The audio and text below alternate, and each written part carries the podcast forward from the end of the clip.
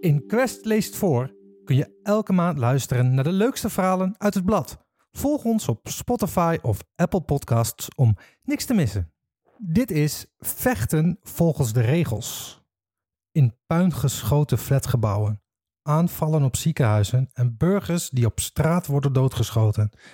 In oorlog lijkt alles toegestaan. Toch zijn er regels waar strijdende partijen zich aan moeten houden. Maar welk nut hebben die? Burgers die al vluchtend worden beschoten. Huizen en flatgebouwen die schijnbaar lukraak aangevallen worden met granaten en mortieren. Luchtaanvallen op ziekenhuizen. In de oorlog tussen Rusland en Oekraïne vallen heel wat onschuldige slachtoffers.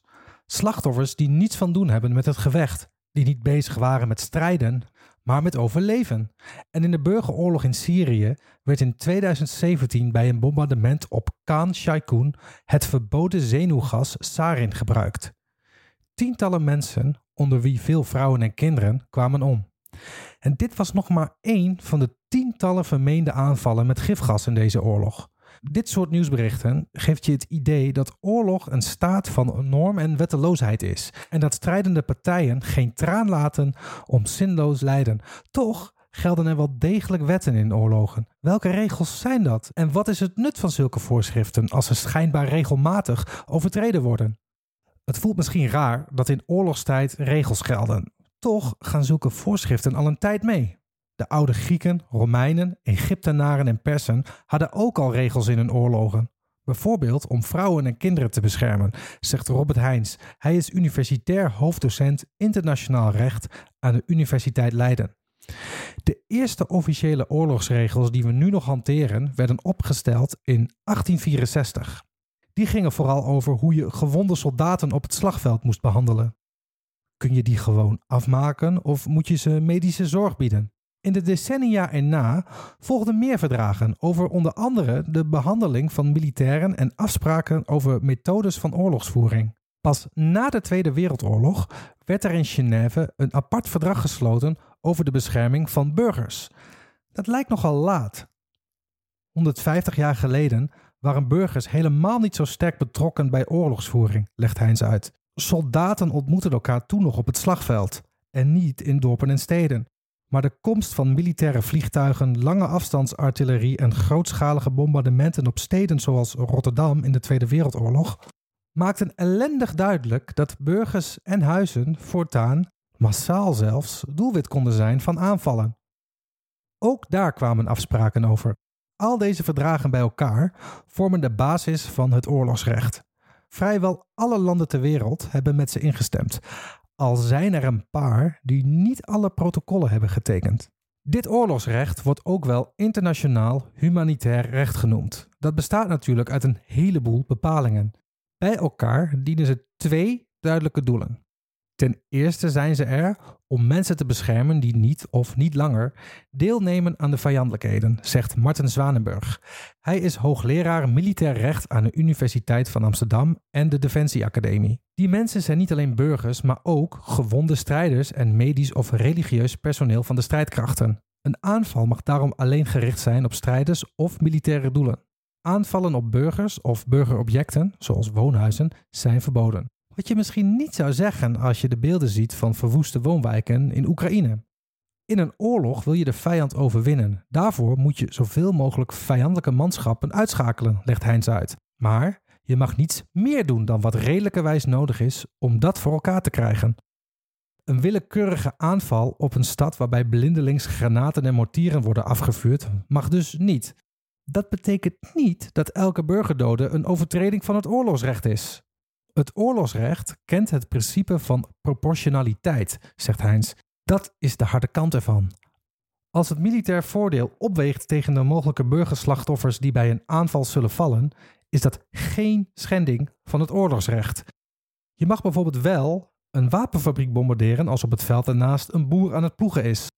Of een militair voordeel belangrijker is dan het sparen van burgerlevens, is niet altijd gemakkelijk te beoordelen zijn drie burgerdoden toegestaan als bij die aanval ook 500 soldaten en een hoge militaire leider worden uitgeschakeld? Of misschien wel 10 burgerdoden? In juni 2015 bombardeerden Nederlandse F-16's een bommenfabriek van IS in Hawija in Irak. Daarbij kwamen zeker 85 burgers om. De fabriek stond in een woonwijk.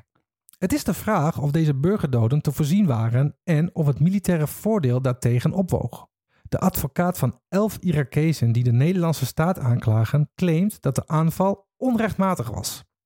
Ten tweede zijn de oorlogsregels bedoeld om grenzen te stellen aan het gebruik van wapens en manieren van oorlog voeren. Zwanenburg zegt: wapens die overbodig lichamelijk letsel of onnodig leed veroorzaken zijn uit den boze. Zoals dumdumkogels, die in stukken breken of uitzetten zodra ze zich in je lichaam boren, en gifgassen.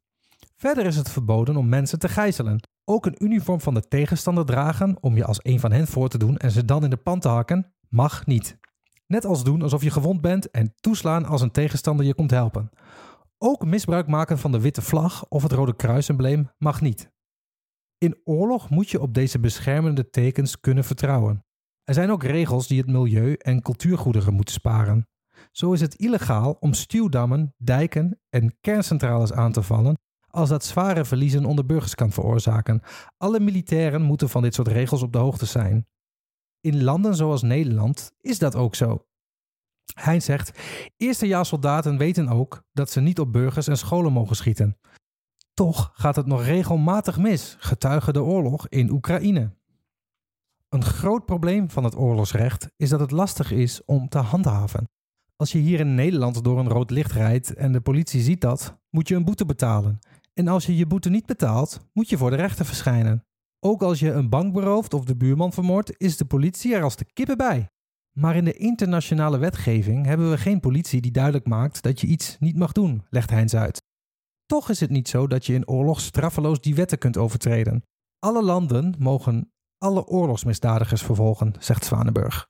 Dat gebeurt vooral als iemand zich in dat land bevindt. Zo werd in bijvoorbeeld 2021 een Syrische vluchteling in ons land veroordeeld tot 20 jaar cel voor de executie van een gevangen genomen militair. Ook het internationaal strafhof in Den Haag kan oorlogsmisdadigers vervolgen. Zwanenburg zegt, maar alleen als de dader uit een land komt dat dit hof erkent of als het voorval plaatsvond op het grondgebied van een land dat het hof aanvaardt. Rusland heeft het internationaal strafhof niet erkend, maar Oekraïne wel omdat de oorlog op Oekraïns grondgebied plaatsvindt, kan het internationaal strafhof dus zowel Oekraïners als Russen aanklagen. Als geen van de betrokken staten het hof erkent, kan de Veiligheidsraad van de Verenigde Naties alsnog beslissen dat verdachten persoonlijk vervolgd worden bij het internationaal strafhof. Die vlieger zal niet altijd opgaan. Rusland, de VS, China, Frankrijk en het Verenigd Koninkrijk hebben een vetorecht in de VN dat ze kunnen gebruiken om vervolgingen tegen te gaan.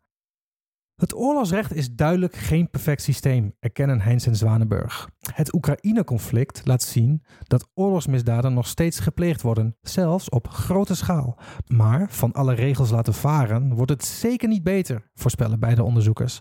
Gelukkig gaan er ook wel dingen goed. Misschien wel meer dan je denkt.